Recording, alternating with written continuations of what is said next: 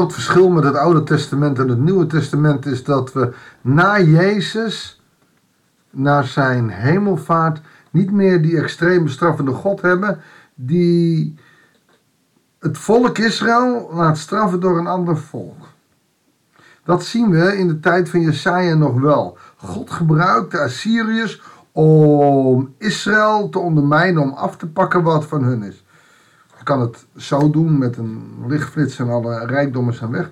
Maar wat hij doet is dat hij het kwaad, dus de vijand, het volk laat overwinnen. Maar dat mag niet te ver gaan, want er blijft altijd die belofte aan David dat er een opvolger van hem zal zijn.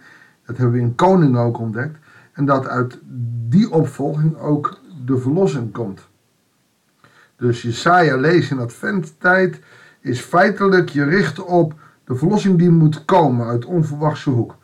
Want menselijk gezien is het een grote bende. En in het Oude Testament gebruikt God die bende. Tegenwoordig hebben wij zelf een bende ervan gemaakt en kunnen het nauwelijks oplossen. En ook nu gebruikt God die bende heus wel eens. Maar het is wel steeds moeilijker. Goeiedag, hartelijk welkom bij een nieuwe uitzending van het Bijbels Dagboek. Zomaar even een gedachte die we uit Jesaja 10 kunnen gaan halen. Het is ongelooflijk lastig, maar daar zien we dat Assyriërs dus geholpen zijn door God om het volk te straffen. Alleen al in vers 5 waar we beginnen, we lezen Jesaja 10 vers 5 tot 19. Wee Assyrië, stok van mijn toorn. Oftewel, de toorn die ik voor Israël heb, ik door de Assyriërs als zijn een stok het volk mij straffen. Staf waarmee ik mijn woede sla. Je koning zend ik naar een goddeloos volk, dat is Israël. Ik stuur hem af op een volk dat mij tergde. Voel je dat? Voel je wat God voelt? Hij voelt zich getergd.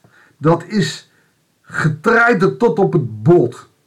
Dat is niet zomaar even na, het ging niet zo lekker en ik word gepest. Getergd is tot diep in de ziel. Om te plunderen, te roven en buiten halen en hen te vertrappen als vuil op straat. Zo wil hij met Israël doen. Zo heeft hij dat niet bedoeld. Hij heeft iets anders in de zin. Hij streeft naar de ondergang van talloze volken. Hij zegt: Zijn mijn aanvoerders niet alle koningen? Kalno niet die vergaan als Kemis en Hamat als Samaria als Damascus. Ik heb de hand gelegd op koninkrijken voor afgoden. Wat hier gebeurt is dat dus de koning van Assyrië door God gestuurd wordt, maar die heeft dat niet door. En die gaat zijn eigen gang.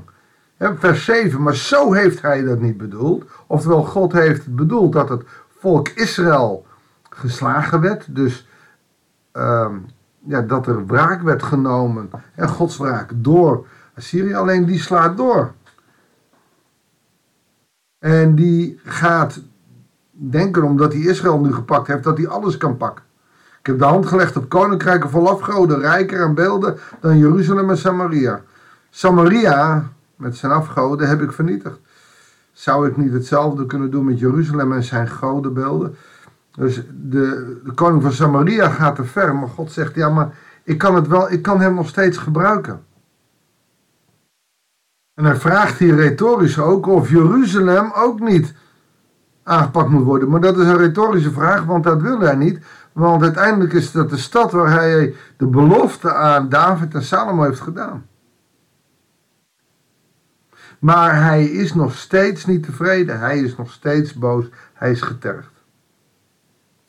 Maar zodra de Heer met Sion en Jeruzalem heeft gedaan wat hij zich heeft voortgenomen, zal hij de koning van Assyrië straffen om zijn hoogmoedige houding en trotse blik.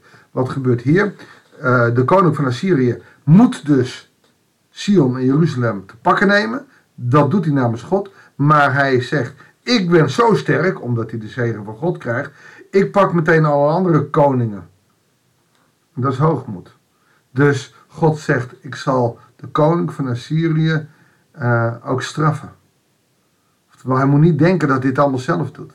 Ik, dat doet me denken aan ja, hoe je hier kan leven als christen. Nou, uh, in de naam van Jezus kunnen we allemaal mensen genezen en ondertussen ben je gezegevierde held. En krijg jij de credits voor wat je allemaal doet. Het leiderschap is anderen de credits geven en niet zelf de credits op je willen nemen.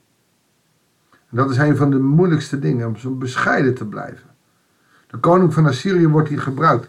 Daar was niks mis mee geweest als hij gewoon gedaan had wat God van hem gevraagd was. Dan was hij gezegend, dan was hij rijk, naar zijn land teruggekeerd en had hij gedaan wat God van hem vroeg. Maar niets is minder waar. Hij wordt hoogmoedig. Weet je, dat hebben wij ook. En natuurlijk, ieder mens wil geliefd worden. Een compliment is heerlijk. Maar soms doen we het alleen maar voor de complimenten of willen we verheerlijk worden. En daar gaat het mis. Dan worden we net als de koning van Assyrië.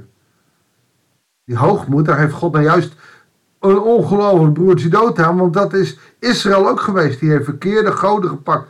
En die heeft uh, die goden aanbeden. En dat doet de koning van Assyrië ook. De verkeerde goden pakt hij aan. Want wat heeft de koning van Assyrië dan misgedaan? Nou, vers 13, want deze beweerde, op eigen kracht heb ik het gedaan. In mijn grote wijsheid, want ik ben wijs. Ik heb grenzen verlegd en volken geplunderd. Door mijn macht heb ik hen het stof doen bijten. Dit is nou precies wat een christen ook kan zeggen.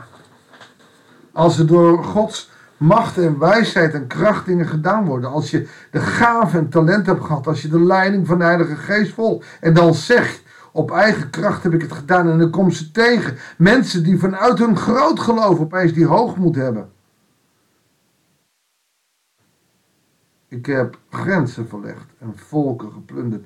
Je hebt helemaal niks. Zonder God ben je niks. En ook wij, wij zijn afhankelijk van God. Hij kan ons zegenen midden in de grootste ellende. Maar wat zeggen wij? Oh, ik heb het allemaal bij gedaan. Dat huis van mij heb ik zelf gedaan. Oh, en die auto heb ik zelf. Die, die baan heb ik voor geleerd. Niks, niks, maar dan ook niks is van onszelf. God geeft ons de ruimte. Maar als we hoogmoedig worden, dan wordt hij getergd tot op het bot. Dus de waarschuwing aan de koning van Assyrië is ook een waarschuwing aan ons. Als je je laat gebruiken door God, word daar niet hoogmoedig en arrogant. Zoals iemand een vogelnest vindt, zo vond ik rijkdom van die volken. Het is de koning van de Syrië nog steeds. En zoals iemand verlaten eieren verzamelt, zo nam ik de hele aarde in mijn handen. Heel de aarde, het zijn een paar landen, doe normaal. Maar de hoogmoed wordt groot. Er was niemand meer die zijn vleugels bewoog of die zijn snavel opende om te chilpen. Het is een arrogantie van hier tot gisteren. En dan komt de reactie ook weer van God. Want schept een bijl op tegen wie er mee hakt. Oftewel, die bijl doet niks. Degene die hakt, hakt. God is het die de Assyriërs helpt om het volk te straffen. Dat is niet het volk zelf. Verheft een zaag zich boven wie hem hanteert? Nee, die zaag is slechts een werktuig in de handen van een timmerman. Alsof de stok slaat wie hem vast heeft. Alsof de staf optilt wie niet van hout is. Daarom laat God, de Heer van de hemelse machten, wel door voede Assyriërs vermageren. Hij verteert hun welvaart als door een groot vuur. Als je dus door God gebruikt wordt, wordt nooit hoogmoedig. Zonder een oordeel te vellen, ik word wel eens moe van die televisiedominees. Die laten zien hoe geweldig ze zijn. En dan hebben ze fout begaan. En dan, dan, kruipen ze door het stof en vervolgens worden ze weer verheerlijkt. Alleen al het feit dat je verkeerde dingen doet. Als je op zo'n voetstuk staat, doe dat niet. Als je door God gebruikt wordt, dan moet je ook weten dat je gezien wordt. Als je door God gebruikt wil worden, weet dan welke macht je hebt. En dat je die macht makkelijk kan misbruiken. Ik merk dat in mijn eigen werk. Ik kan mensen kapot maken door verkeerde dingen zeggen. Ik kan een gemeente gewoon op zijn kant gooien door heel fnuikend gemene dingen door te voeren in alleen al het pastoraat. En zo werkt het met ons alles. Het zijn ouderlingen, diakenen, maar ook als je in een commissie zit. Je krijgt macht op een of andere manier. Net als de Assyriërs. Maar je kunt het ook stuk maken. Het licht van Israël zal een vlam worden. De heilige van Israël een vuur. Op één dag verbrandt het hun dorens, verteert het hun distels. Ofwel, dat is weer de genade. God gaat door en gebruikt Israël nu, het licht van Israël en het heilige vuur van Israël, om Asher, hè, om die te vernietigen. De wilde van hun wouden en wijngaarden vernietigt hij. Dus alles wat ze opgebouwd hebben, zal hij weer vernietigen. Met alles wat erin leeft. Ze zullen wegkwijnen als een ziekte. En wat overblijft zijn de bossen. Enkele bomen. Een kind kan ze tellen. Dus Assyrië, het volk van Aser, zal niks van overblijven door hun hoogmoed. En dat is dus reden te meer om uh,